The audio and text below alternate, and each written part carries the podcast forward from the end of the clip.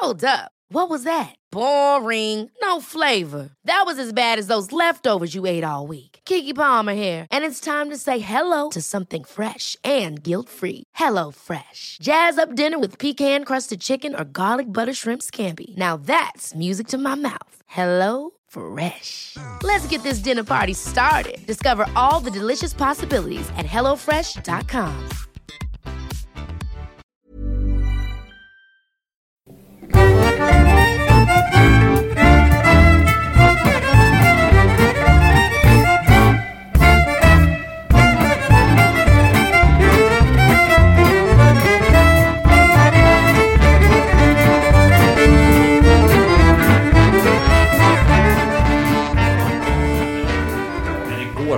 Jag, jag, bes- jag bestämde mig nu eh, när jag skulle försöka komma i form igen att eh, det är ingen idé för mig att liksom leva fitnesslivet. Det, det är liksom förbi. Jag, jag, jag kommer inte få magrutor. Har du gett upp på det nu alltså?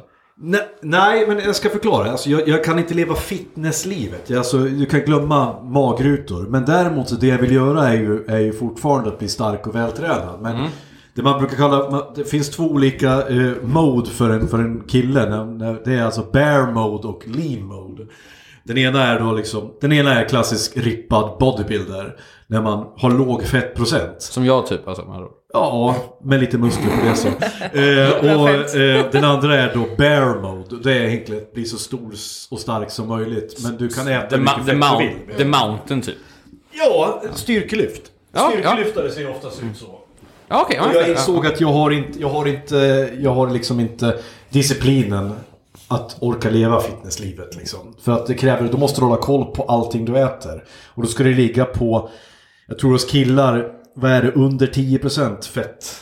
av Det liksom. Medan i bear mode så kan man ligga över 20%. Och med Andreas eh, icke-ork så påbörjar vi dagens avsnitt till, på Välkommen mina damer och herrar till podcasten Diagnostiken. Jag kanske ska göra det här som du gör Andreas. Vänta. Välkomna mina damer och herrar till podcasten Diagnostikerna. Här sitter jag, Olof Lind, och eh, mitt emot mig har jag Andreas Barås och Hej. mitt emot mig har jag ännu en gång Sara Wettergren. Precis, det var en väldigt fin öppning. Nästa gång skulle du kunna börja med en så kallad cold... Vi har ju börjat med en så kallad cold opening nu. Det vill säga att vi sitter och dösnackar lite grann och sen kommer själva öppningen. Det du skulle kunna börja med är att lägga till en liten dikt. Till exempel så här. Eh, Som Thomas Ledin hade fått sanden mellan tårna i låten Sommaren är kort så önskar vi er välkomna även till våran försommar här i podden. Diagnostikerna som är Nordhallands största podcast. Wow. Är det det?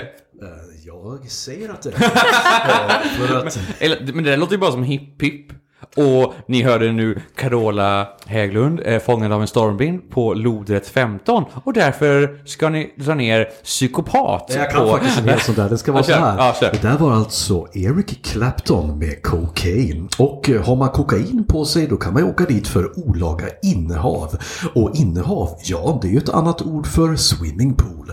Och har man en swimmingpool då tyder ju det på hög standard. Och vem var det som sjöng, av, sjöng om hög standard? Jo, det var ju Peps Persson. Och då är det alltså tvångsrakning som ska in på lodrätt. det är så jävla bra! Har, har du sett Hipp Hipp? Nej. Har du inte sett Hipp Hipp? Fantastiskt Det eh, måste bra, du göra Sara. Det? Humorserie från eh, sent 90-tal, tidigt 2000-tal tror jag det var. Vad handlar det om då? Ja, det är en sketchserie. Ja, Alltså, Johan Wester och Anders Jansson. Ja. Eh, Johan Wester är väl mer idag känd som eh, programledare för programmet Vem vet mest? Eh, och Anders Jansson gör väl stå upp... Eh, är det han som är Tiffany Persson? Om du vet vem Tiffany Persson är. Nej. nej, fair. Eh, Tiffany Persson, eh, han blev utsedd till årets... Hon. Ja, fast, ja, ja och hon då. Eh, till årets dragqueen. Eh, Aha. och ehm, eh, det är en karaktär som hon är från Staffanstorp. Och eh, hon gör lite olika saker. Hon... Och eh, på Viktväktarna! Ja, idag, hej, är det Tiffany Persson här. Idag ska vi gå, gå, gå, ska vi gå på apoteket och köpa lite salvor och sånt till sånt Jo, som det har- här, jo jag vet visst vem det är. Ja, jag vet. Mm, det vet ja. jag. Sånt som han hade dragit på sig under helgen. Och- och ska gå till Viktväktarna. Och så bara, Hur många points är snorkråka? För han har fått i sig 200 stycken nu. Men det är som kvarter, alltså, kvarter Sta- Skatan vet du eller? Nej, alltså jag kollar inte TV eller något sånt här. Jag har inte koll på sånt. Nej, det är bara TikTok eh, för dig eller? Jag har inte TikTok heller. Men Åh, vilken fantastisk fördom det där var! Vi älskar det där! Ja, det är bara Jag TikTok gillar för er. generations, eh, generationsspridningen här också. Vi har Det är det surgubb, surgubben, eh, den unga med fortfarande livsglädje kvar och så dig som är någonstans mitt emellan. Jag undrar skulle- jag vad du skulle ge mig där, men det var en ganska fint sagt faktiskt. Ja, eh, ja precis. Butter, butter, glad och mitt emellan. Trötter. det är så här, Jag är så trött på mitt liv. Jag tänkte så här eh, inför dagen. Eh, jag har en liten ny, eh, en liten ny punkt i programmet som jag tänkte att vi ska testa. Som heter Andreas är arg på något. Eh, och då tänkte jag, då ska jag lyfta upp ett ämne så ska vi se vad ni tycker om det. Eh, ska vi ta det före eller efter dagens huvudämne? Nej men kör. Ska Det vi köra det? Jag tycker vi kör. För Ja. då, har jag- då, har jag- nu har jag börjat samla lite grejer som, eh, som har stört mig den senaste veckan. Och nu kommer ju det här att... Eh, det här kommer ju... ett- du lever ett hälsosamt liv gör du Andreas. Ja. När det, här, när det här sänds så, så kanske det här kommer vara lite ak- inaktuellt. Kan- Kan jag, Men- få, kan jag bara få... Kan jag bara... Ja, gör så. För du sket totalt i det där förra avsnittet, men det finns någonting heligt. Och jag jobbar i kyrkan så jag får säga så. Ja, Tack så mycket. Så. Skål! är du nöjd? Skål. Skål! Skål! Skål! skål, skål. Eh, jag stötte på en, eh, ett kommentarsfält på Facebook. Där det var några, några äldre män i, och framförallt då, eh, män i snabba solglasögon. Vad menas med äldre män? Äldre män. Andreas typ. Ah, Okej. Eh, men framförallt så hade de snabba solglasögon. Och ni vet ju Men vad... det är ju asinne nu. Är det det? Mm, sån här cy- cykelglider. Är det det? Ja. What the fuck? Det På, på din nu. profilbild? På Facebook? Eh, Nej, kanske inte. Inte någon cykeldress och sånt till kanske. Nej, men ingen cykeldress. Utan jag hade vi lätt kunnat gå på festival och ha det på Nu mig. snackar vi om Är det människor, människor som... Eh, eh, de här männen... Deras profilbild ser nästan alltid likadan ut. De sitter i en bil, de tar en selfie med sina snabba solglasögon. Eh, och, och, och det är liksom det. Och så, då vet man nästan att de röstar ju på Sverigedemokraterna. Jag tänker på Lamotte bara. Eh, och det, då är det en kille som heter Jonas Bergvall. Eh, som Vi skriver- outar dig nu Jonas bara så du vet. Om du, om du hittar det här. eh, Jag vet inte vad, jag säger, jag, säger, jag, jag, jag, jag säger så här, jag säger bara förnamnet så slipper jag förtalsanmälan. Ja. Han, heter, eh, han heter då Jonas och skriver så Ahlberg. här. Ovilligt faderskap borde, borde kategoriseras under våldtäkt eller oaktsam våldtäkt. Det är inget annat än ett livslångt övergrepp med väldigt stora konsekvenser under en lång tid. Han får svar från en kille som heter Peter som skriver Jonas, bra synpunkt. Det är också en kategori som bör betecknas som ett sexuellt övergrepp. Och då får jag till svar av en kille som heter Bert. Som skriver så här. När man hör om killar som är minderåriga och blev förförda av sin lärarinna i skolan. Som blev gravid och han tvingas betala underhåll. Så nu har vi, vi har hört från Butter nu. Vad säger Glader om detta? Är Får jag, får jag bara säga vad jag tycker om det där? jag, jag tror vi redan vet, men kör. Ja, jag säger, jag säger så här. Vad är det för fel på er jävla horungar? Ta på er en fucking kondom. Exakt det jag skulle Och- säga. Minus horunge. men- Eller, eller sterilisera er. Eller ge fan i att ha sex om du inte kan ta ansvar för det vita gobbagegget som kommer ut i ditt jävla äckliga, åldriga SD-penis. Vad fan är det för fel? Vad hände med att ta ansvar för sina handlingar? När började vi dalta med det? Jag fattar Ja men inte. speciellt just där de är i, vad gammal var du? Ja men 40-50 års ålder. Alltså det är helt sjukt. Ja. Nu är jag inte glad längre. Jo Ja. det är såklart. Men alltså jag blir så frustrerad. Ska vi, jag, ska, jag ska också det här. Den här killen som drar upp det här då, det här hjärtskärande exemplet. När man hör om killar som är minderåriga och blev förförda av sin lärarinna i skolan. Som blev gravid och han tvingas betala underhåll. Ja, vi vet ju alla hur många stackars barn det dräller omkring på gatorna som är, har kommit till av att en lärarinna har förfört sin en ung jävel i skolan. Vad är det här som händer? Jag, jag, jag sitter och funderar på om jag, om jag kan försöka leva Devil's Advocate nu. Ja, försök. Äh, Vänta, okej, vänta. Ehm. Okej, Eh, okej, okej, okej, okej, okej, okej. Vi är ut på jävligt Ja, jag vet, jag vet. minerad mark nu Men alltså. jag hoppas att lyssnarna hör att jag verkligen försöker hitta på någonting. Eh, ja, okej. Det första han säger Ja. är ju att det är ett, ett sorts sexuell, sexuellt övergrepp. För det är ett långtidsbit som... Jag vet, nej, fuck it. Nej. ja, det går Nej, inte. nej, Det försök inte. inte. Jag är bra på... Det, Jag är bra... Men jag... Ja, det... Men, men jag tycker ibland. vi kan prata lite grann om det där med, med att skydda sig, um, använda preventivmedel och skydda sig under sex. Ehm, nu, Okej. hoppet, är, hoppet eh, ligger ju i ljusningen nu nämligen att det kommit ett preventivmedel för män. Ja, fast det kommer inte ut på marknaden för som typ fyra år. Ja, det är för att det håller på att testas nu. Ja. Men, det är, men det har kommit så Det långt att kommit. det testats på människor. Det betyder att det är det är kliniskt. svinnice. Det är i princip kliniskt nästan färdigt. Ja. Vilket innebär att det kan finnas lite hopp. Men det som stör mig är att under den här, all den här tiden så har ju all, nästan allt ansvar lagts på kvinnan. Att det är kvinnan som ska skydda sig. Eh, och att då ha mage, tycker jag som man, att komma efteråt och skylla på liksom eh, skylla på ofrivilligt faderskap är jävligt märkligt. N- när, ni, när ni själva har haft sex, hur ofta är det mannen som har tagit ansvaret för att skydda sig? Eller ens frågat? Eh, eller, eller överhuvudtaget? Ja, när jag har sex med män eh, så är det alltid mannen som har tagit ansvar. Ja, Eh, jag förstår det. Hur, Nej, många, men- hur många gånger har du tagit ansvar Olof? jag har alltid kondom med mig. Men hur många gånger frågar du innan du stoppar in din filifjong i fiffin? Ska jag sätta på? Fililjong i Det- men, Nej men det är inte en fråga för mig. För att, för, att, för att undvika könssjukdomar så vill jag på kondom. Så du sätter på den? Okej, så du gör Redan det för könssjukdomar? Ja, ja, innan jag ska gå ut på kvällen så har jag på mig minst en eller två bara är vara, bra, det är vara bra. beredd. Ja, Nej men alltså men det är inget... Jag, blir- jag, det är, hallå Scar. det är absolut ingen självklarhet ska jag säga dig. Nej men jag tycker, alltså, jag, bruk, jag brukade säga det- det för några år sedan, men nu har jag ångrat mig för jag hade varit för svag. Om Kate Beckinsale kom, ja jag vet Andreas, eh, om, vet, vet du vem det är? Eh, har du sett Underworld-filmerna? Nej. Har du sett... Eh, Jag kollar inte film. Kollar du inte film heller? What the fuck? Okej, vi behöver ett helt avsnitt om det här. Eh, nej men det är en, en känd skådespelerska. Mhm. Enligt mig och Andreas i alla fall, en av världens vackraste människ- Mm. människor. Hon är Eh, typ 50 nu. dessutom. Ja, och ser fortfarande fantastisk ut verkligen. Hade hon kommit in i min lägenhet och sagt med sin väldigt högbrittiska röst i want you to have sex with me right now.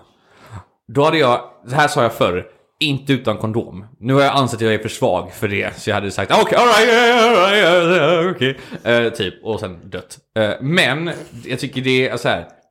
Det, det är weird för mig, för jag har alltid hört det där att det, att det är alltid kvinnan. Men eftersom jag alltid i mitt huvud tagit ansvar för det för att jag vill, eller för jag vill inte ha körkortsdomar. Ja. Jag vet, men det är inte bara jag som är med i statistiken. Nej, det, men du kan inte... Du kan, alltså det, Nej, nej, nej, jag vet. Jag vet man Det är kan så. strukturellt problem. Ja, Mm. men så jag, jag har alltid jag, först och främst vill jag inte ha könssjukdomar och kondom hjälper mot vissa av dem. Mm. Jag vill inte vara 18 år och jobba på timlön och ha barn. Så därför kör jag kondom också på det. Men, Ja, men det är ju inga tänker så. Nej. Alltså en, Nähä, en okej. av alla tänkte jag säga, men de jag har legat med har frågat Ska jag ha kondom? Ja, och det är, alltså det är, det är egentligen förbannat. Alltså, för det är inte bara, vi pratar ju inte bara o, oönskad graviditet. Vi pratar ju könssjukdomar också. Ja, ja. Och den där grejen, eh, alltså det där var ju man jättenoga med när jag var typ så här hög, gick på högstadiet och började på gymnasiet. Då, alltså det enda man, bryd, man, man liksom hörde var ju klamydia. Det var ju hela Mm. tiden. Idag så har ju, är det ju gonorré har ju börjat komma tillbaka liksom. Som är en av de stora könssjukdomarna som, som typ försvann på, sjut- efter 70-talet. Men vänta lite nu. Men är det så, är, är det så att våra generationer är förkrossad av porr då? För jag vet att när jag pratar med det här om tjejer ibland. Så säger de, nej men jag gillar inte när killarna har på sig en kondom. Fast det är inte Nej men det gör inte jag heller. Nej men, men så när de frågar dig så har du ändå sagt nej ibland. Nu blir det väl... Nej, jag säger ja, men sen så får man ju testa sig då. Okej, Om man har ja, liksom okej. sex regelbundet. Fast det där, det, det där är Det intressant. är för mig, för att, ja, ja, ja. Sen, Det där är ju jätteintressant det där för att kan ni med handen på hjärtat säga att det känns annorlunda när man har eh, kondom på? för er eller för oss? Ja. Bägge två tror jag. Jag känner skillnad. Du gör det alltså? Eh, jag kan ju säga ja, jag känner skillnad fast åt det andra hållet. För mig är det, jag, för mig är det jättepositivt. Gud vad han ler nu. Vänta, vadå positivt? Du tycker det är na- mer nice med kondom? Mer nice med Oj, kondom. vad sjukt. Eh, och det är nästan, och, eh, det är nästan så att det är jobbigt. Ja. Nice. Alltså, Jag vet inte vad det är. Det, det känns som att man har ett, så ett vapen som man måste skydda. Det, det, men jag vet inte, det blir, så lite, det blir lite Du har satt, snuskigare. Lite du har satt i svä, sanningens svärd i Ja, men jag vet inte hur jag ska beskriva det. Det blir liksom att det blir lite äckligare, lite snuskigare liksom. Farligare. Med, med kondom på. Men jag är också ganska, försöker också vara ganska noga med det här. Jag är som du. Jag, jag trodde ju att det var en sån här äckelgubbgrej att gå omkring och bära en kondom i plånboken liksom. Men det är ju... Det är jag. Ja, men det, men det vad ska man... Men det där är ju också smart. weird. Det- Ja, det är smart. svinsmart. Men det är det som är weird. det. Jag tycker det är weird. Ja, det är weird. Det är men weird att en kvinna ska behöva gå runt med en kondom i plånboken. Ja, För att faktiskt. jag, jag går inte runt med dagen efter-piller i plånboken. Nej, Jag går inte runt med PS-stav i plånboken, vilket har varit jätteweird. det kan Äh. du ju inte. Men Jag kan gå runt med den i plånboken. p-staven måste, den kan du inte köpa, den måste du sätta in. Ja, men jag kan, jag hade kunnat få tag, jag hade, jag hade kunnat få tag i någon och bara så här, ha den i plånboken och sen bara så här, jag- du kan inte göra någonting med den just nu för du måste dra in den på din Det är det här som är grejen nu som kommer att komma. För att då ska vi också, för det handlar inte bara om, om att det kommer ett, ett preventivmedel för män. Det kommer också komma att krävas en helt ny kultur. För Och helt, ett nytt ansvar. ett ansvar, det är det jag menar. För att det är inte så att du ska bara smeta på. Det kommer att komma i gälleform den här. Mm. Alltså, en, en, en, en, Smörja in på axlar och un- överarmen Ja. varje dag. och just det, det är det jag tänkte komma till. Varje dag. Mm, det är som ett p-piller fast Ja. i kräm. Och det är det som jag tänker... Är, I kräm? Mm. Ja. Men vad- vad... Nu, nu, nu, alltså mina, Förvånad du lät. ja, nu får jag, nu, nu får jag så här problematik i huvudet. Om du har Varför? tatuerat dig på axeln. Men gud. Nej, men kan du Kommer väl krä- inte göra fortfarande någon skillnad. kräma in den och sen den krämen också utanför Ja den? men kräma i den andra fucking axeln. Har du tatuerat båda samtidigt? I don't fucking know. Det här är sådana onödiga problem som jag ser framför mig bara. Ja. Det här ser jag som insändare Vet på du vad? familjeliv.se. Vet du vad? Bara så här, Du låter Jag har ju ex- tatuerat Vet mig. du, vet du problemet jag har? Jag stoppar i mig piller varje dag som gör att jag får akne och går upp i vikt. Ja men det är det här... Fy fan. Det, det, Ja. det var det jag tänkte Men komma det är ett problem för mig. Ja. Ja, Men jag, säger, är jag, det jag, säger, jag, jag trycker inte ner, vänta, nej, nej, nej. Jag trycker inte ner ditt problem nu. Jag bara, Nej, jag jag ser familjeliv.se-trådarna komma upp nu och bara Ja. så här. Jag tatuerade in Ja, alltså två rosor på sidan och det, Det, är det, går men det är inte det jag tänkte komma till här nu. Att, att för det första när du säger sådär, då låter det ju som en sån här gubbe som skriver insändare. Kommer Ja. för några år sedan när det var en debatt om så kallad manspreading? Ja, Ja, och vad, då kommer motreaktionen då från sån här man-mannen och sån här som bara Ja men tänk dig om man men, måste ha en stor, stor pung och man kläms sönder och så här, bara Hur stor pung har du? Hur stor pung har du om du inte kan trycka ihop knäna lite grann? den är liksom? jättestor Fun va? fact. Ja. Jag träffade en kille i Asien. Han hade pungkulor. Jag fick se den. Nej, jag fick inte se den. Min kompis fick se den. Alltså så här stor var en pungkula. Men då hade han elefantiasis. Nu, Ja, nu, jag nu, vet vis, nu visar Sara typ Det är lika te- stor. en tennisboll. Alltså, Men då hade, då hade han haft en hon sjukdom. kom till mig och tog mig på toa och bara Jag har sett det sjukaste i mitt liv. Får jag veta, får jag, det här vill jag veta bara- mer om. Varför... Alltså kom... Hmm. Han showade med detta hela tiden. Han, Ah, okej. han slängde ut dem lite när som helst. Genom gyllefen. Haha! Det gick ett rykte om honom på hela hostelet liksom. Han har världens största pungkulor och så kunde man bara gå fram och bara, du kan jag få se dem? Han bara, tjopp! Men Och han kunde inte slå ihop knäna Andreas kan jag säga direkt där. är Han måste manspreada. Ja, men återigen, Två pingisbollar. vi, vi pratar, alltså det, det är det här vi pratar, när vi pratar strukturella problem kan vi inte dra upp Förlåt, det är sant, inte pingisbollar. Det, det hade inte varit jätteimponerande.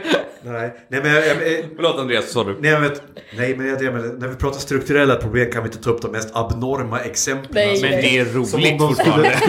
representativa. Nej, men vad jag menar är att kvinnorna har tagit ansvar för det här nu. Med eh, förvisso effektiva eh, eh, preventivmedel som har gett i många fall väldigt kraftfulla biverkningar. Många, vissa kvinnor säger att eh, det är jätteskönt att ta p-piller för då slipper jag min mens. Vissa säger att de får eh, väldigt hormonstörande, att de blir arga, ledsna eller att de får akne, går upp i vikt. Hormonspiraler har sina biverkningar. Eh, kopparspiraler har sina andra biverkningar och så vidare. Det, fin- alltså det finns biverkningar med saker och ting. Nu kommer vi att få en sak som hittills inte har visat några biverkningar. Som är en enkel salva. Tror ni att gemene man kommer att ta ansvar för att stå där, hämta ut ett recept och stå där varje morgon när vi knappt kan byta kalsonger varje morgon? När vi Ja. knappt kan byta toarulle på toan. Förstår du? Vi, vi är en generation med fucking man babies som helt plötsligt ska ta ansvar för våran fertilitet. Eh, Men förlåt, är det, Ja. är det nästan inga sidoeffekter på den här? Eh, ökad hårväxt har jag hört. Okej, så man då, det är typ positivt för folk kommer få mer skägg och liknande. Ja, så det, det känns lite douchigt på något sätt. Att kvinnor ska få gå igenom med preventivmedel och som sagt så här. Det är alltså humörsvängningar, vad sa du mer, gå upp i vikt, akne, massa grejer. Och helt plötsligt ska män få och bara säga alltså vi får bättre skägg. Jag vet, inte, Men jag, jag, vet vad ni, jag vet inte vad ni klagar på tjejer. Alltså vi fick bättre skägg, det var, alltså jag får fulligare hår. Ni klagar på att ni måste ha grejer. Alltså det är ju svinbra det här. Jag bara så, ålar in min Men vet lite du, på dagen. det är så intressant att du säger det där, för att jag är med i en massa feministiska grupper på, på, på nätet.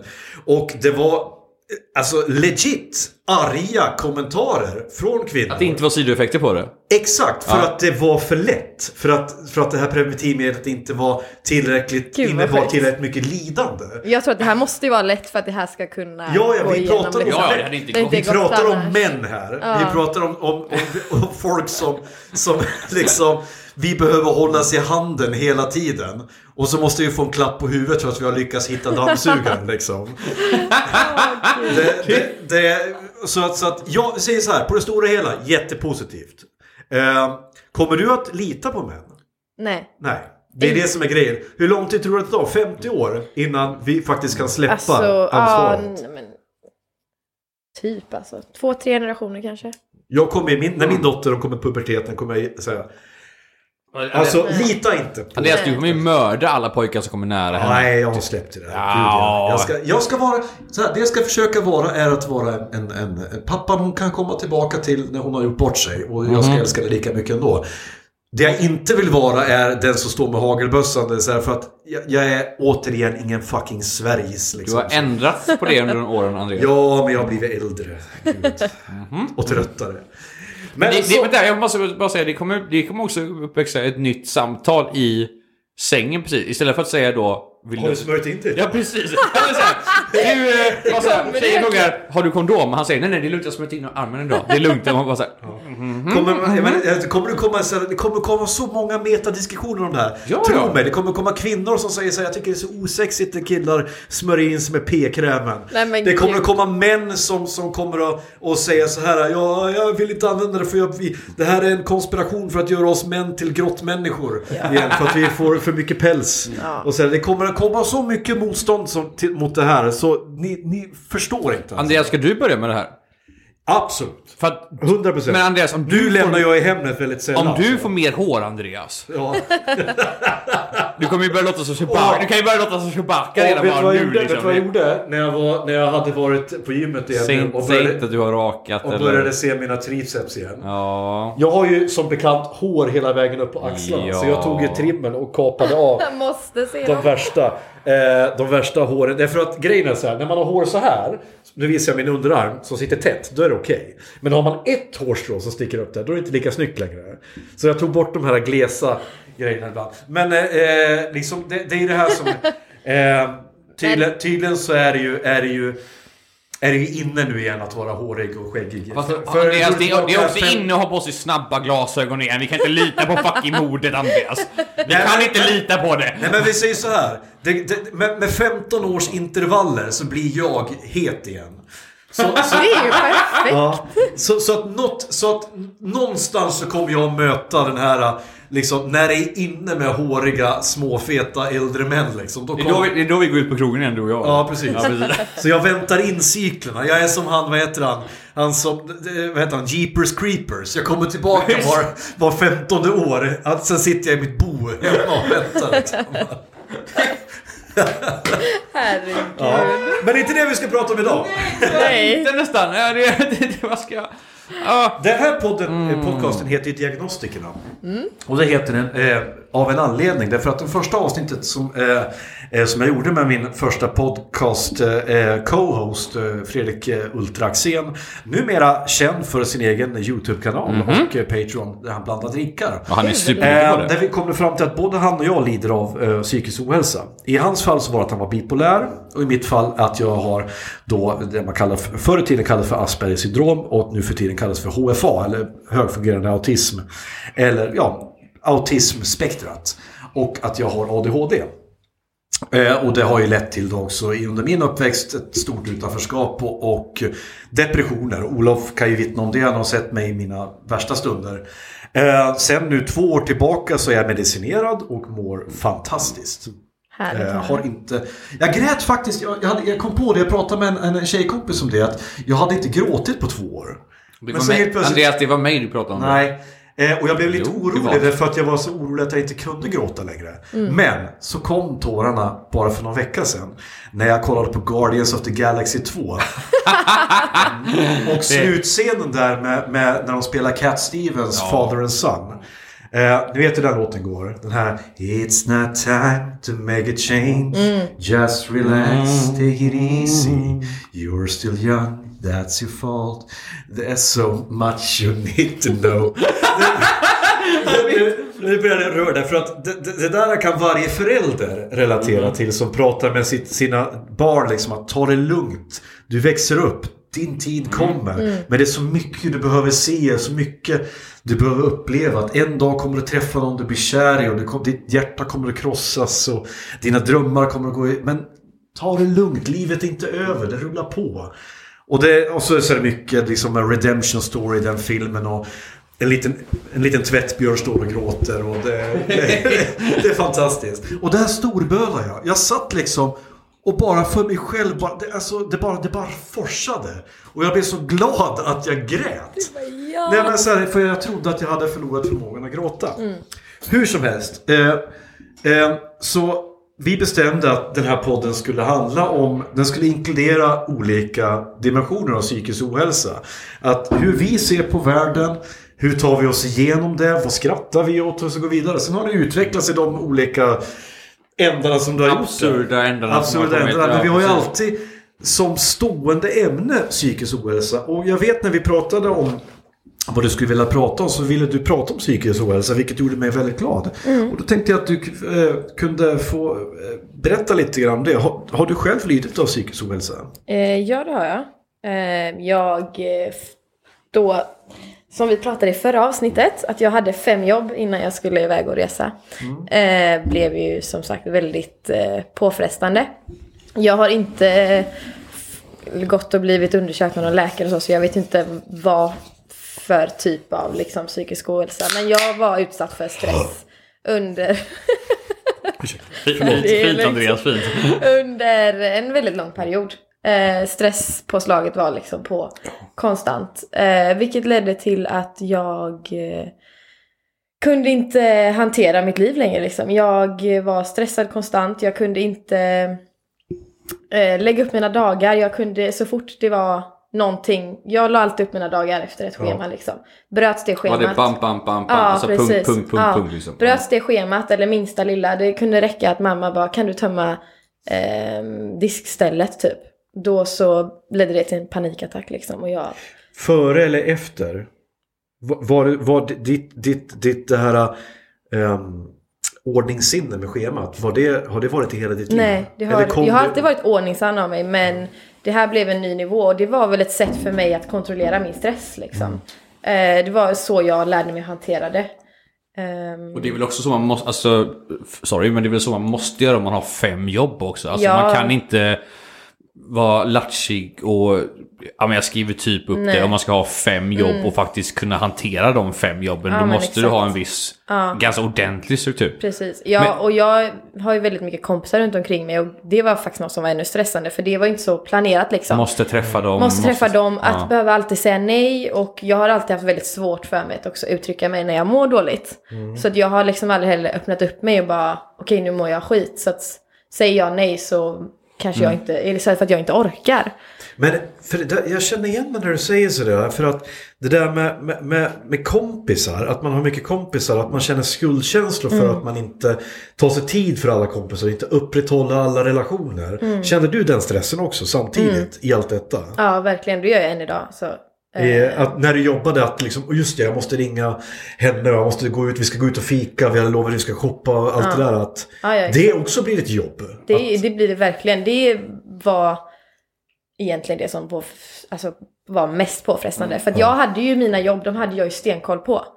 Det var ju det andra som kom liksom utifrån som verkligen fick mig att verkligen tippa över kanten. Är, Gång är gång. det som skulle klassas som att, jag, det här är som ett begrepp jag har hört under många år, som alla har hört i många år.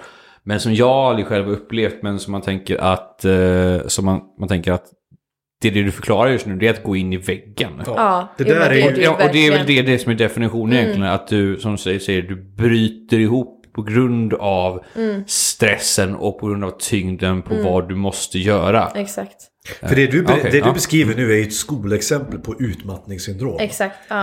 Eh, Precis. fick, du en fick du den diagnosen? Gick du lä- till Jag läkare? gick aldrig till läkaren faktiskt. Eh, vilket jag borde ha gjort, vet. Märkte jag nu i efterhand. För att jag insåg liksom aldrig i stunden förrän jag fick min första panikattack som jag insåg att okej, det är verkligen något som står riktigt fel till. Beskriv hur... hur... Ja, jätte, ja, jag tror vi alla tre har haft panikattacker Mm, någon men gång det går ju att få på väldigt, väldigt Ja, precis. sätt. Ja, så det är därför det är så intressant. Eh, gud, jag kommer ihåg det jättetydligt. Jag står just då med min checklista liksom i handen och jag vet att jag kommer på nya punkter jag ska göra och den bara fylls på, fylls på och det är just ett sånt moment. Mamma öppnar min dörr och ehm, säger att ah, du glömmer inte att du ska göra det här och det här och det här också. Och Droppen, ja, då gick droppen, jag tappar Ja. lappen och faller ihop. Eh, det är som att någon liksom kramar mig så hårt så att eller det är som att mina lungor liksom blir vakuum. Jag, jag Ja. får inte in någon luft. Det är andningsnöd totalt. Ja, där. precis. Okej, Det är liksom...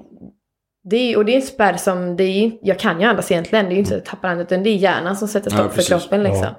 Ehm, och jag liksom börjar skrika och jag vet inte vad jag ska ta vägen så att min mamma får liksom trycka ner mig på golvet och bara Sara, andas.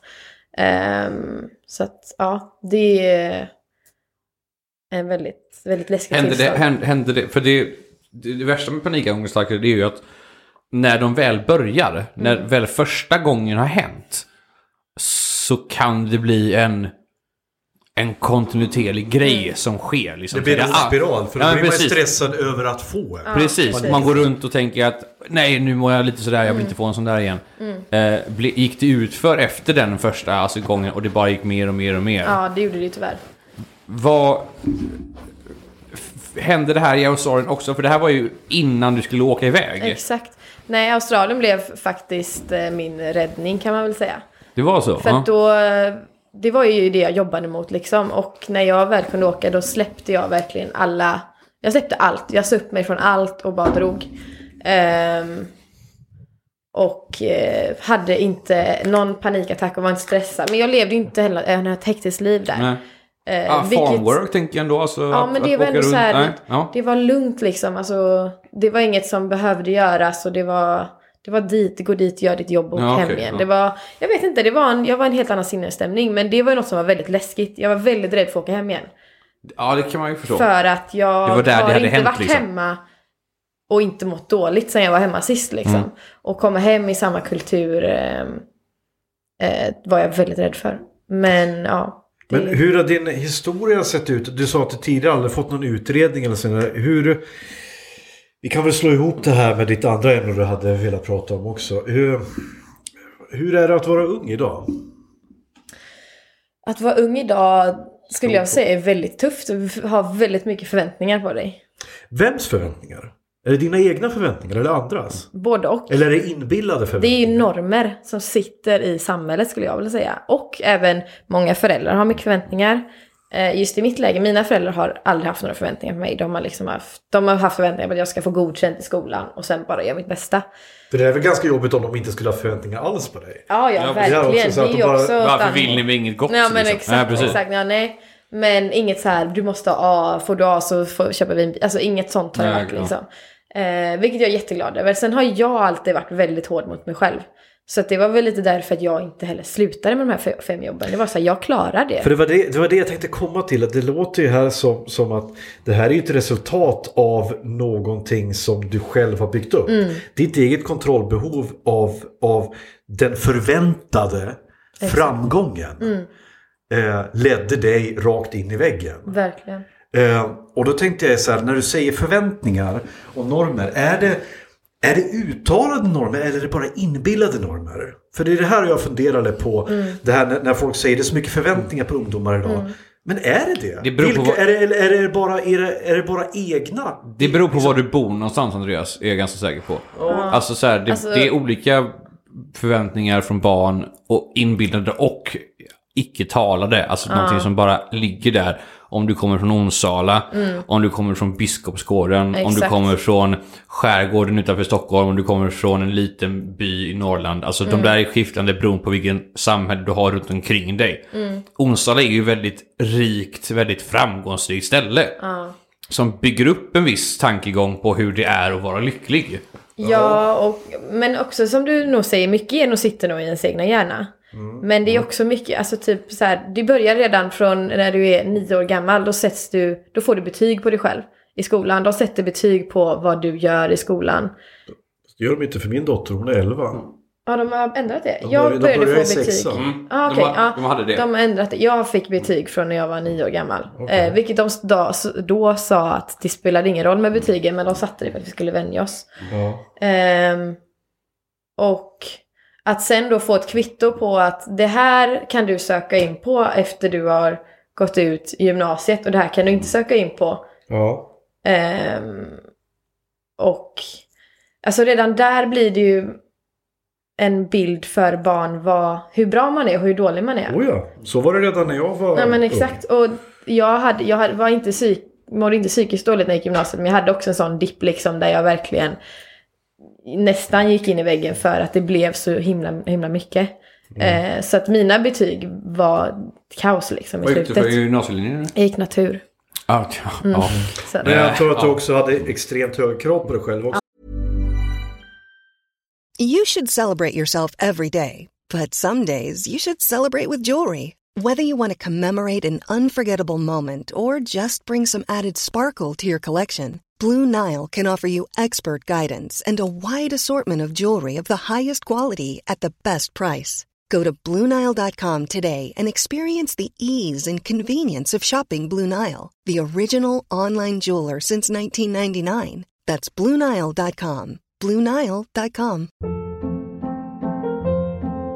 Hold up. What was that? Boring. No flavor. That was as bad as those leftovers you ate all week. Kiki Palmer here, and it's time to say hello to something fresh and guilt-free. Hello Fresh. Jazz up dinner with pecan-crusted chicken or garlic butter shrimp scampi. Now that's music to my mouth. Hello Fresh. Let's get this dinner party started. Discover all the delicious possibilities at hellofresh.com. Ja, Och det här märker jag. Eh, varför, jag varför jag frågar det för att jag har en dotter som är eh, som jag tror är, vi har inte gjort ett, en, en utredning på henne, men jag tror att hon är särbegåvad. Och hon, är ex, hon har extremt höga krav på sig själv redan nu. Eh, och hon började alltså på riktigt gråta för att hon inte fick alla rätt på ett matteprov. Ja. Hon, fick, hon fick 26 av 27 rätt och hon går i fyran. Och jag, både jag och hennes mamma har ju liksom sagt att Nej, men, ta det lugnt. Ta det lugnt. Det, det, alltså, du behöver inte vara bäst jämt liksom. Och du, hon är ju redan bäst. Men hon är inte perfekt. Och det är det som jag blir så jävla orolig för. För att har hon redan nu sådana prestationskrav på sig själv. Då kan det gå riktigt, riktigt illa. Eh, och det är det här som är problemet också. Jag, liksom, eh, jag är rädd att hon inte får den stim, eh, stimulus som hon behöver. Mitt problem när jag gick i skolan. Det var att jag var överstimulerad. eh, Eller understimulerad. Det vill säga att jag låg alltid före alla andra i, i, i klassen. Jag, hade, jag, låg, jag var alltid klar med proven for, fortast. Jag hade, jag hade läst ut den här boken mycket snabbare än andra. Jag läste redan 90 ord i minuten när jag gick liksom på mellanstadiet. Men jag fick ju ingen, ingen extra stimulans för det. Jag fick bara sitta där och visste inte vad jag skulle göra med mina händer. För det är så det fungerar i en ADHD-hjärna. Att allting som, som händer för alla andra går mycket snabbare i min hjärna. Liksom. När, när någon pratar med mig så sitter jag så här. Ja, ja jag vet, jag vet vad du ska komma. Prata klart nu. Liksom för att jag, jag, jag har redan hört vad du ska säga. Liksom. Exakt. Och Problemet för mig var ju att jag var understimulerad. För Mira tror jag är problemet att hon också är understimulerad. Och vi försöker liksom säga, liksom, bör- försöker tala om för henne att ha inte de här kraven på dig själv. För det är ingen annan som har det. Och det är därför jag, jag blev lite nyfiken på, var det någon annan som hade de här kraven på dig? Eller var det bara i ditt eget huvud? Alltså, det är lite läskigt när du berättar det för att jag satt verkligen i exakt samma situation. Jag var alltid bäst när jag var yngre. Jag var bäst på allt i skolan. Jag fick liksom... Ja, jag var alltid bäst. Och det blev väl, jag tror också lite det här att mamma och pappa, även om de inte hade några krav på mig så blev det ändå att man, man berättade för familjen och Sara var så bra i det här. Och, så att det blir ändå en standard man sätter på sig själv. Ja. Och sen när jag väl kom till gymnasiet när faktiskt mina kompisar började komma ikapp mig. Ja. Och jag var inte längre bäst. Det blev ju en inre panik liksom. Ehm, att man inte skulle, för att ens mamma och pappa i den åldern, det är ju ens hjältar liksom. Ja, visst. Så att det, man vill ju göra allt för dem och sen också för sig själv. Eh, och sen då börja få kvitto på att nej jag är inte bäst längre. Då, det blir ju en enorm besvikelse liksom. Och jag tror därav kan man utveckla väldigt mycket stress och ångest. Men bara en, en, en koll. Eh, jo, hade du mycket aktiviteter på fritiden när du var liten? Mm. Hade, har Mira mycket aktiviteter? Ja, hon spelar tennis och hon spelar fotboll. Jag är tränare i hennes Ja. fotbollslag dessutom. Det, så- det jag har, alltså så här, jag jobbade i skola i sju år och någonting jag märkte där det var att alltså, ju yngre och yngre åldrar började få mer och mer panik. Mm. Och det var oftast de barnen som hade mycket att göra på fritiden. Ja. Och alltså så här, fan, jag, är inte, jag är inte läkare eller någonting sånt där. Men det, det, det jag har tänkt på.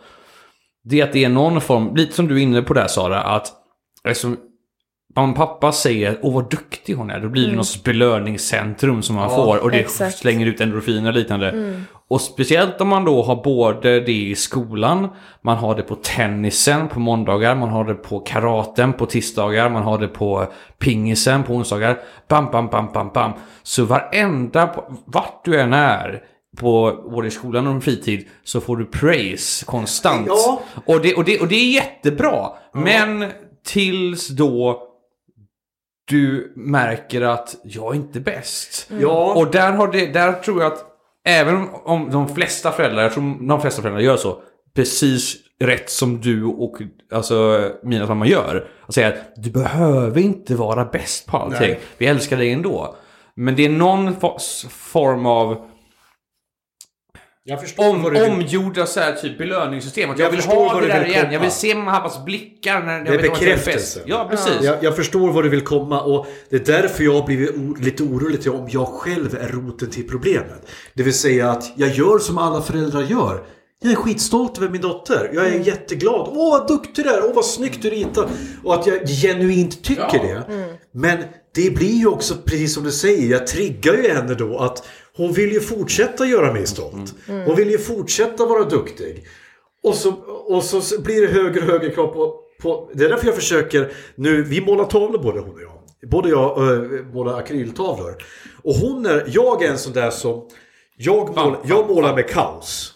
Jag häller ut eh, några, några, några färger på tavlan. Och nästan låter... Så stream of consciousness låter tavlan växa fram. Medan hon har en exakt bild i huvudet av vad det ska bli som hon ska överföra. Och så blir hon arg på sig själv när det inte blir det. Och det, mitt sätt är att försöka lära henne att göra någonting av ingenting. Att, att du behöver inte ha en plan. Du behöver inte alltid ha en plan. Starta i kaoset så att säga. Utan ibland kan du bara låta det hända. Men hon är en sån där som vill ha en plan hela tiden. Och jag misstänker att du var kanske är likadant. Du har en plan som du vill följa och du blir störd när den planen inte går i lås. Ja, ja, du sätter ord på det. Fy vad läskigt. Ja men det, det är ju verkligen så. Eh, och det var samma sak där. Jag hade mycket, som du sa Olof, hade mycket omkring mig. Jag var bäst i sporten också liksom, väldigt, väldigt länge. Ehm, Hur var det för, eh, i ditt, eh, ursäkta jag avbryter, i, när du, i sporterna, vilka sporter höll du på med? eh, jag gick gymnastik, spelade innebandy och fotboll. Gick det bra för era lag? Mm. Ja. Det gör, det gör det för Miras lag också. De var obesegrade en hela säsongen. Och jag har sagt det, trots att jag är tränare för dem. Fan vad jag önskar att de förlorar en match med 7-0. Bara för att de ska få känna hur det känns att förlora. Ner i gyttjan lite måste För det är vara. så jävla viktigt att förstå hur det Ja, ja, känns. verkligen. och det är nästan viktigare, att kun, än, viktigare än att kunna vinna är att komma tillbaka efter en förlust. Verkligen, verkligen. Eh, och det jag tänkte säga, hur kom du tillbaka efter all den här eh, all den här stressen, all den här när ditt liv rasade ihop. Du tog det till Australien, du lyckades bygga upp dig själv där. Vad kom du tillbaka med till Sverige då? Eh, ja, alltså jag kom ju tillbaka till Sverige med lite rädsla, men framförallt så mådde jag ju väldigt, väldigt, väldigt bra. Eh, sen så är det sjukt nog så sätter sig verkligen den här långa perioden av stress. Jag, det var ju säkert ett år liksom. Det sitter fortfarande spår i hjärnan, det gör det. Jag har fått ett antal panikattacker sedan jag kom hem igen. Eh, just när jag hamnade i sådana här situationer. Och det är som du sa Olof, att det, när det väl har trillat över då kommer jag mycket lättare dit nu. Ja. Så att nu kan det vara en så himla liten situation som händer och så kopplar min hjärna på direkt dit. Eh, det var samma sak när jag var som mest stressad då. För var, två år sedan var det då. Eh, min kropp stängde ju av. Jag kunde liksom, jag kunde göra precis vad som helst. Jag kunde somna bara så. Eh, speciellt i när jag visste att jag skulle göra någonting som var, skulle vara väldigt stressigt. Då stängde min, av, min kropp helt av. Men förebyggande nej. Ja men Faktiskt precis, det var verkligen dit. så här, Ja. jag blev så trött och kunde, jag kunde inte hålla mig vaken. Vilket gjorde typ så här, jag märkte det extra gånger jag körde bil. Det var flera gånger som jag fick stanna för att jag somnade. Eh, vilket aldrig händer mig idag, som tur är. Och men jag pluggade en kurs, eh, jag pluggade upp en kurs på komvux eh, nu för några månader sedan. Och eh, det var som att jag var tillbaka i allting liksom. Mm. Eh, Prestationsångesten och allt det där. Precis och jag har ingen, jag har ingen koncentrationsförmåga längre liksom utan eh, Då, då är du på rätt podd. ha? Då är du på rätt podd om du inte har någon koncentrationsförmåga säga. För vi hoppar konstant så det Ja, är ja, svinbra. nej men och det var, det var också ett väldigt hårt, bak, hårt bakslag. Att kom, för det var ju verkligen det här jag var rädd för att komma hem till och bara shit det sitter kvar. Och in, få det på svart på vitt liksom att jag blir stressad så här fort och det var den, den incidenten hände när mamma bad mig tömma diskstället liksom.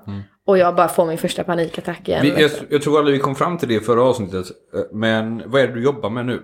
Jag jobbar så, jag På kontor sa vi i alla Ja, fall. exakt. Ja, precis. Ja, ja. Eh, på ett företag, eh, ett konsultföretag där Mhm. jag är IT-support och administratör för våra, vi håller i arbetsmiljöutbildningar och eh, ja, jag har lite småroller där. Ja, Ja, hur, hur, fun hur funkar det med...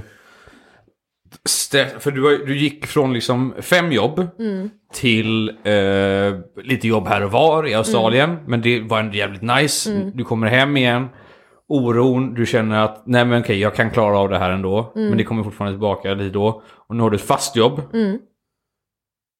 Hur, hur funkar det med alltså det kvarliggande? För det började ju som, om jag förstod rätt, ordentligt med de fem jobben liknande. Lite Ja, i gymnasiet precis. också, men det var ändå ordentligt där. Ja, exakt. Hur funkar det nu? Liksom? Det funkar jättebra så länge det är jättebra. Det är just att jag är så mycket känslosammare nu liksom. Blir det för mycket, eller åt andra hållet att jag har för lite att göra, då kan jag också bli väldigt lätt stressad liksom. Eh, Men hur, hur, hur förlåtande är du mot dig själv idag? Är du, med, du är medveten om dina egna gränser nu då? Är, kan du sätta gränser för dig själv också? Att säga att nej, nu räcker det. Kan du säga nej? Jag har fortfarande svårt för det, men måste ändå ge mig själv en klapp på axeln liksom. Ja. Att, eh, alltså, jag är ändå glad att jag har tagit med mig det här. Även om det sitter så mycket spår i min hjärna och jag inte känner mig själv som Sara till 100% ännu liksom. Ehm, så har jag ändå tagit med mig det här och lärt mig så otroligt mycket. Jag är väldigt bra på att prioritera mig själv först och främst och kunna säga nej liksom. Och bara, Idag orkar inte jag. Jag vet att nu måste jag ha en eller två kvällar hemma själv där jag inte träffar någon liksom. Ehm, så att, Jag vet exakt hur du känner där. Ja, Eh, så- Mm. Jag är ju en introvert person. Så jag är ju den sån som... Nu när jag umgås med er, jag tycker det är det är jättetrevligt. Men när jag kommer hem så kommer jag krascha. exakt. Därför att eh, det här tar energi från mig. Mm. En extrovert person som, som Olof till exempel, han Mm. får ju energi av att umgås med andra. Så han kommer ju vara jätteglad eh, och liksom, av det här. Men, men hård, eh, är, är du en introvert eller en extrovert person? Det Du, jag har alltid funderat på det. Jag kan verkligen vara både och. ja. men jag Man kan vara väldigt- introvert och extrovert. Ja, jag är en väldigt känslosam person så att jag tar väldigt lätt åt mig energier av folk. Ja. Så om jag träffar en vän som mår dåligt och vill prata med mig så vill jag jättegärna villig, jag är väldigt lätt att sätta mig in i andra situationer. Vill prata, vi pratar jättelänge. När jag kommer hem då kraschar jag. Ja. Men jag kan också umgås med folk och ha jättekul. Då kommer jag hem och är väldigt trött i hjärnan. Mm. Ja. Ja. Men jag kan fortfarande ha mycket energi liksom. Men jag hoppas nu att du suger åt mig av, av min hatiska energi här. Så när, när, det kommer, så när du kommer hem så kommer du bara... Jag ska aldrig ha en baby Du shower! kommer, du kommer att scrolla där på Instagram och så bara horungar, horungar, horungar. Men, men du, bara så här ren... ehm, Tände du lampan där du Olof? aldrig. Uh, re, ren... eh, nu, nu hörs jag inte! Eh, ren uh, nyfikenhet bara. För att... som jag förstått det som så går mycket, alltså det här stressen lite på när, folk, när saker inte går rätt. Eftersom du är en strukturerad människa. Du får svara på det här om du vill eller inte. När du fick reda på att din bästa kompis fyllde år idag. Och du tänkte, åh det behöver jag gå och göra. Men du hade sagt att vi ska, du ska vara här idag. Hur gick det i ditt huvud där? För vi sa nej, vi kan inte på imorgon. Det, gick, alltså det går inte för vi är upptagna då. Och helt plötsligt står du där med att säga okej, jag ska först vara på podd.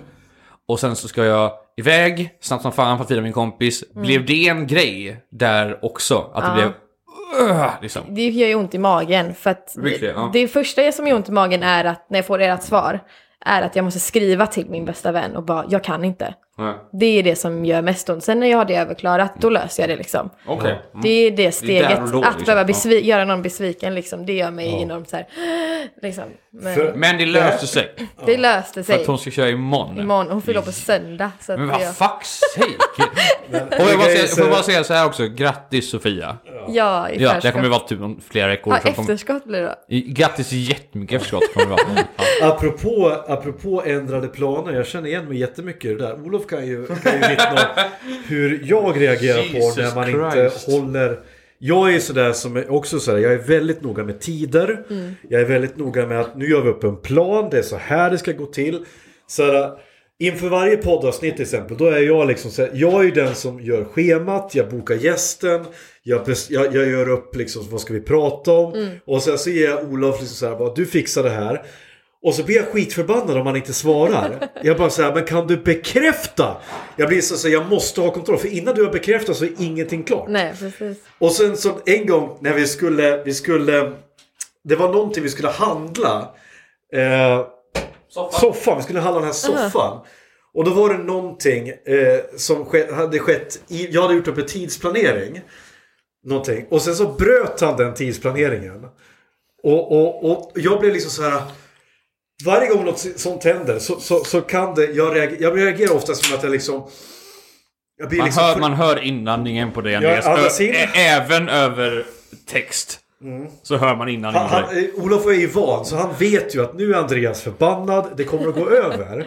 Men jag är förbannad för att våran plan inte har följts Nej. exakt som jag har lagt upp den. Tack förresten att du säger att du gör allting på den här podden för att det låter som att jag...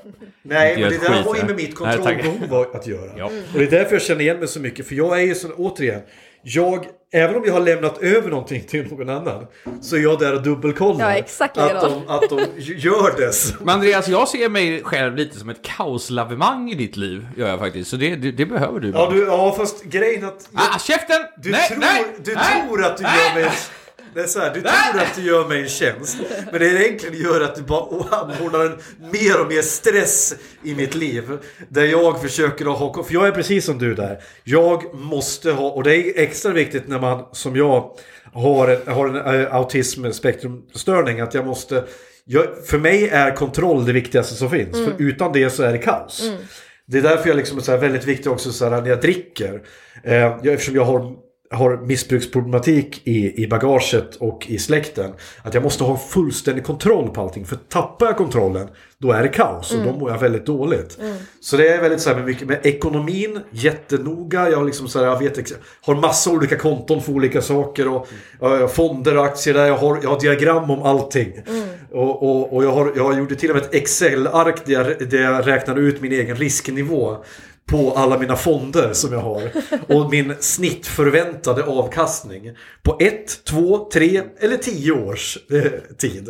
Bara för att jag, jag måste ha kontroll. Och för att någonstans så tycker jag att det är så jävla roligt med kontrollen. Det är det att jag, jag tycker att Det är satisfying. Ja men det är satisfying, precis. Det var så jävla bra. Till exempel jag skaffade en massa växter hem. Tror att jag kan, tror att jag kan ta hand om mina växter bara lite så här, lite på känn. Känna liksom hur, nej jag skaffar en app.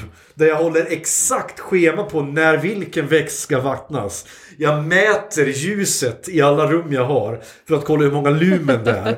Så att jag kan kategorisera mina växter efter sol, halvsol, skugga eller mörker. Jag ville just fråga så här varför du och jag är kompisar Andreas egentligen med tanke på hur mycket du älskar ordning och reda och liknande i ditt liv. Men det, det var just där när du sa det där att jag vet ingen annan människa i mitt liv som hade skaffat en app för att mäta ljuset för växterna. Nej. Och Tack- det här är, tack, det är så Andreas. intressant Det- också med tanke på... Love you! Men det är så här, det är här också Det är som jag är så glad att jag har min dotter. För min dotter har ju tack och lov inte ärvt en enda egenskap från mig. eh, förutom... Hon är trevlig, Ja, ja, hon är... snygg. Eh, och, eh, sa du att... Kolla. Jag kom på det själv! Nej!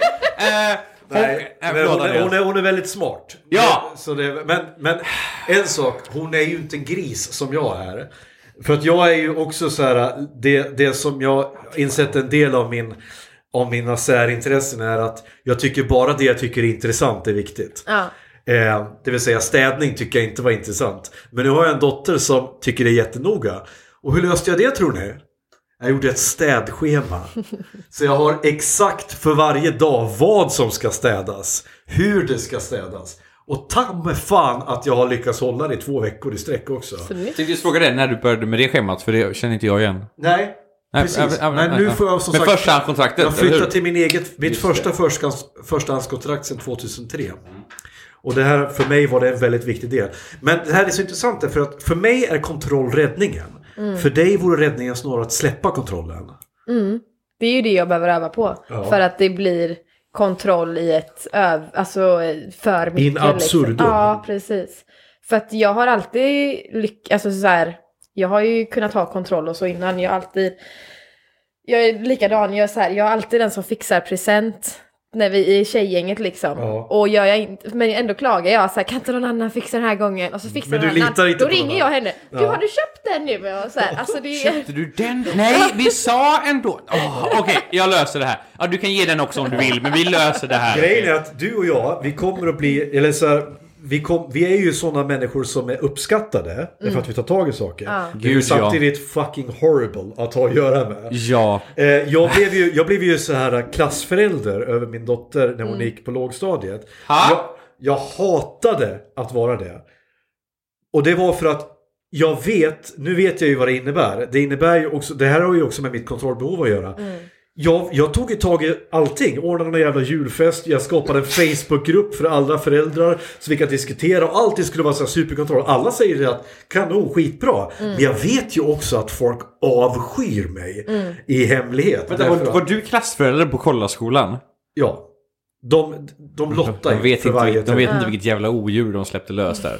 Ja, ja, men grejen är Men att, det är- och jag sa, jag lovar mig själv efter det att jag ska aldrig mer vara klassförälder. Därför att det är inte bra för mig. Nej, Jag- nej, jag- Andreas. Det var ju så, jag ska bara säga, bara så ni vet hur mitt kontrollbehov är. Jag, jag kan inte, jag kan aldrig mer i mitt liv röra World of Warcraft. Nej, Okej. jag förstår det. Därför att när jag spelade det, det var det är som heroin. Det är 40 För jag, timmar. hade, jag fick en sån jävla... Jag hade ett sånt behov av att vara bäst.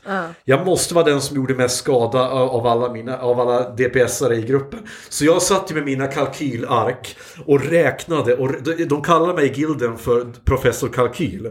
För jag satt, jag satt där i timmar och slog på så här target dummies. för att räkna ut och gjorde så här simuleringar för att, göra, för att bli så bra som möjligt.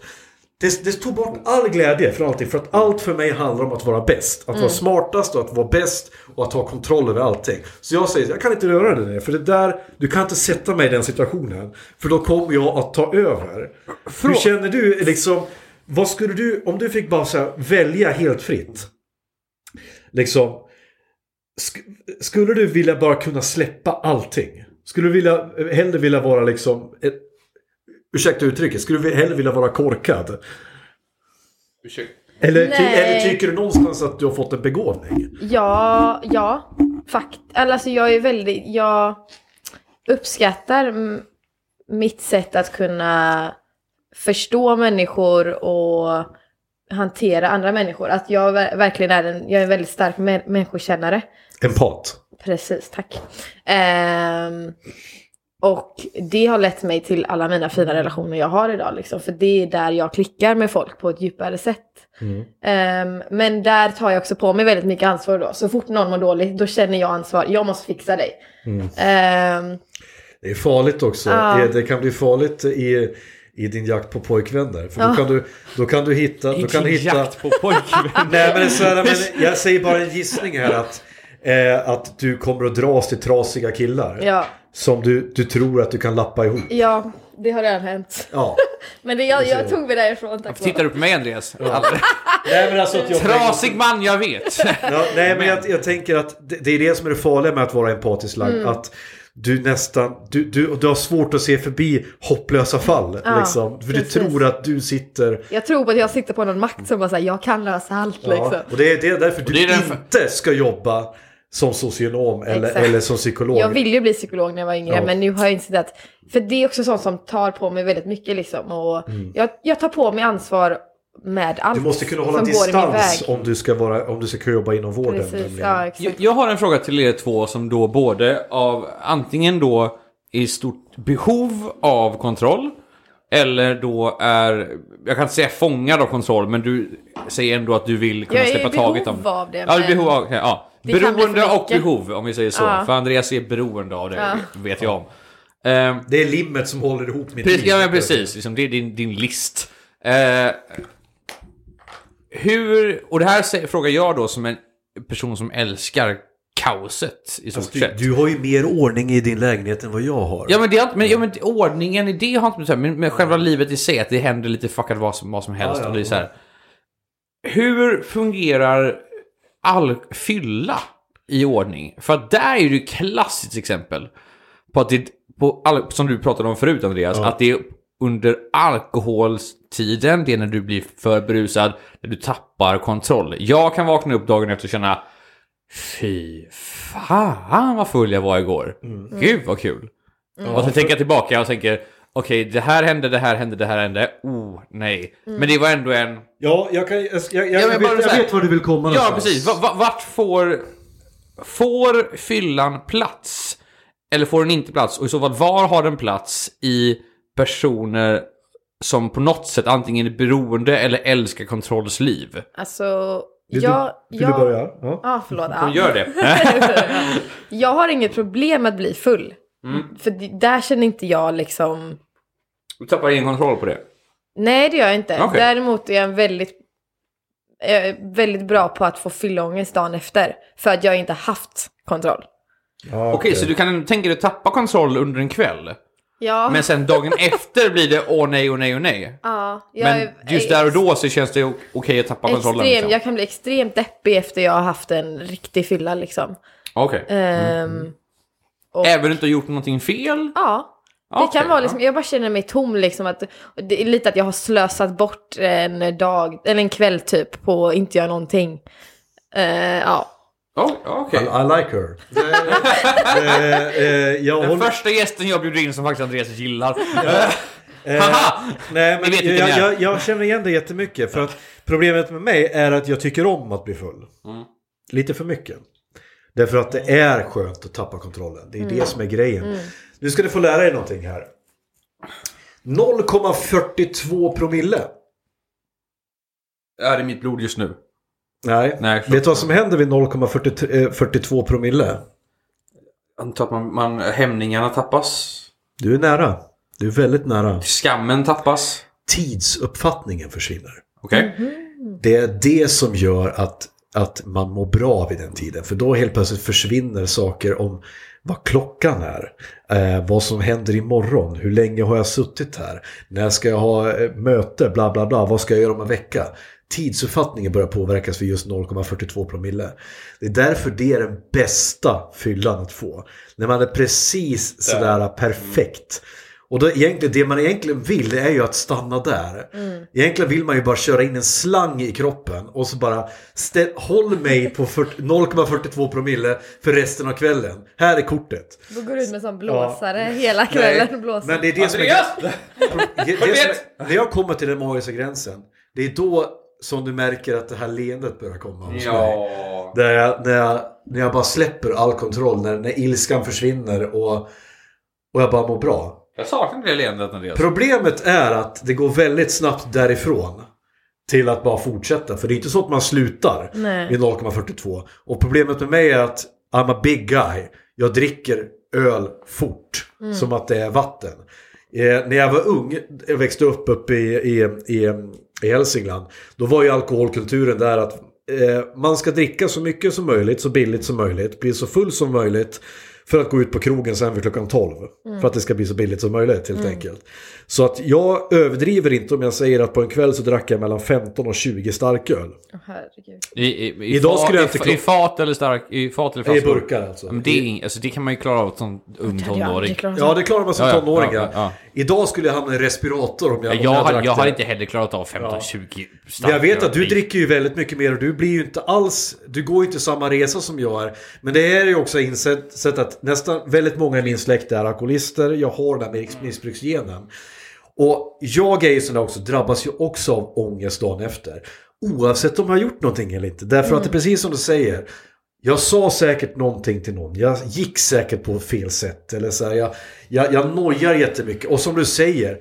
Men jag fick ju, en, jag fick ju inte ens ligga. Så vad fan, vad fan slösade jag bort den där jävla kvällen för? Men, men då är frågan så här då.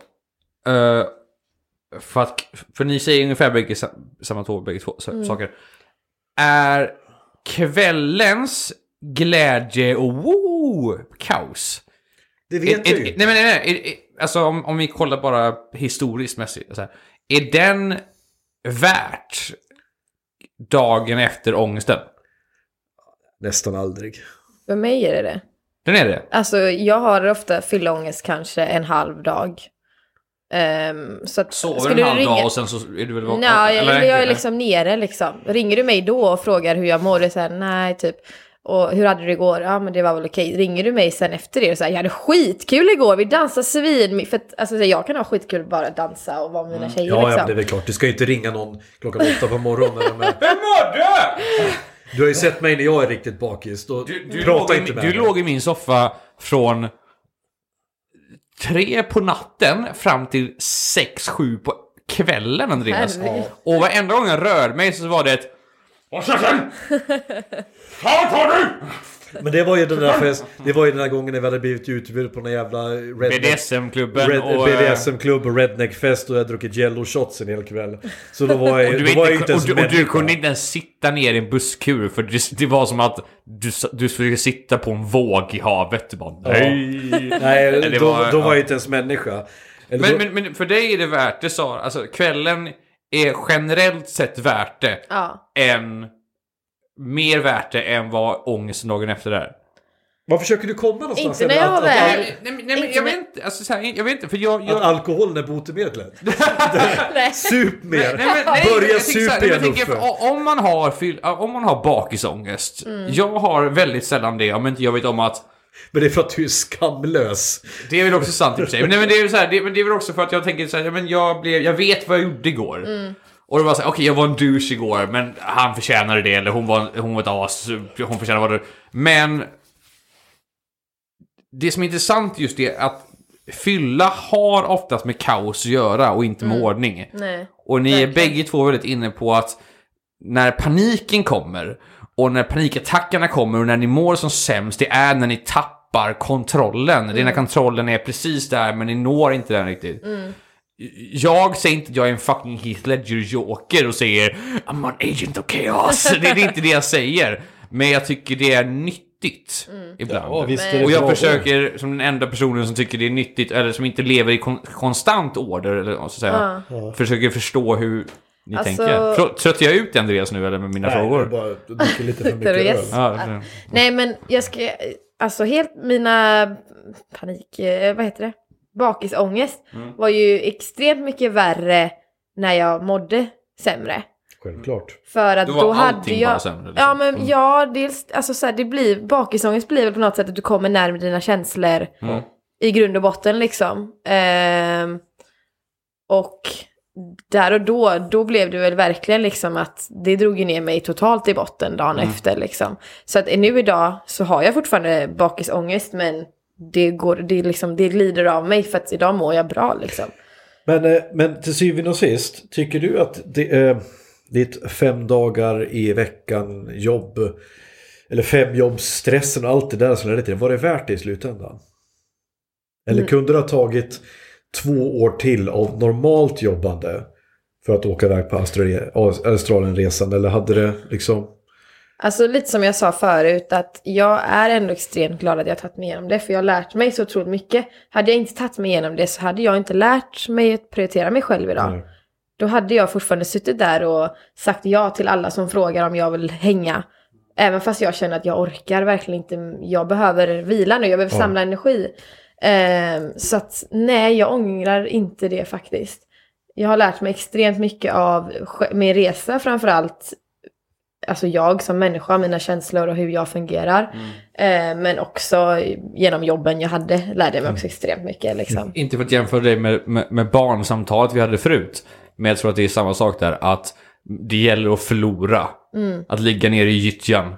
För att sen faktiskt ta sig upp därifrån och sen förstå att aha, Mm. Det var därför jag mådde så. Ja. Och det är så jag kan undvika den skiten. Ja, jag tänkte på det förut när du pratade om din dotter. Att jag förstår ju verkligen, man är ju jätteorolig för sina barn. Man vill ju alla, allt det bästa, men det löser sig. Det gör det säkert, Det absolut. gör det. Sen, Men det är ju också mitt jobb att Exakt, noja. Det är det jag exakt. ska göra. ja. Det Men slutligen, ett, eh, några, ord, eh, några slutord här. Vad vill du säga till, till, till um, ungdomar som går sista året på gymnasiet eh, nu? Ja, folk i Eh, din egen ålder kanske. Ja, det är så. Om du, hade fått, om du hade fått träffa dig själv, vad hade du gett dig själv för, för råd när du skulle gå ut gymnasiet? eh, prioritera dig själv. Skit i... Vad, in, vad innebär det? Förlåt, alltså, för det är väldigt brett. Vad innebär prioritera dig själv?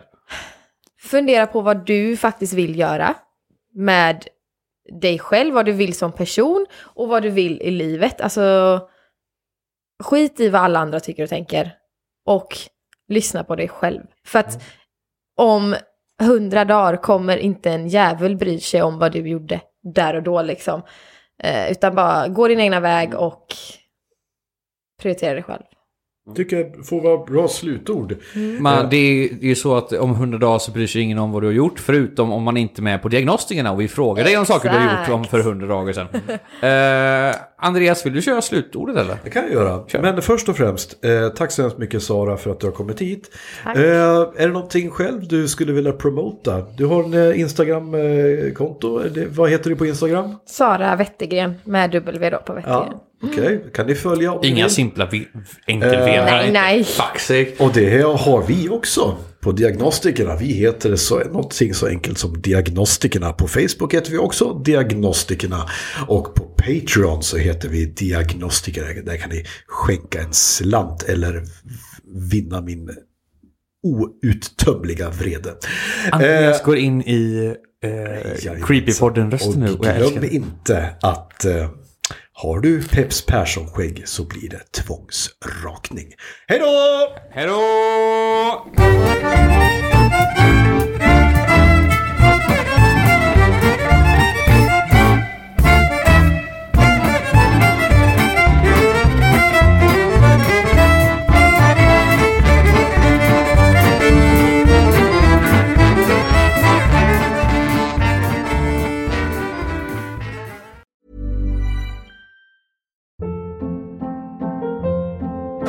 Hold up. What was that? Boring. No flavor. That was as bad as those leftovers you ate all week. Kiki Palmer here, and it's time to say hello to something fresh and guilt-free. Hello Fresh. Jazz up dinner with pecan-crusted chicken or garlic butter shrimp scampi. Now that's music to my mouth. Hello Fresh. Let's get this dinner party started. Discover all the delicious possibilities at hellofresh.com.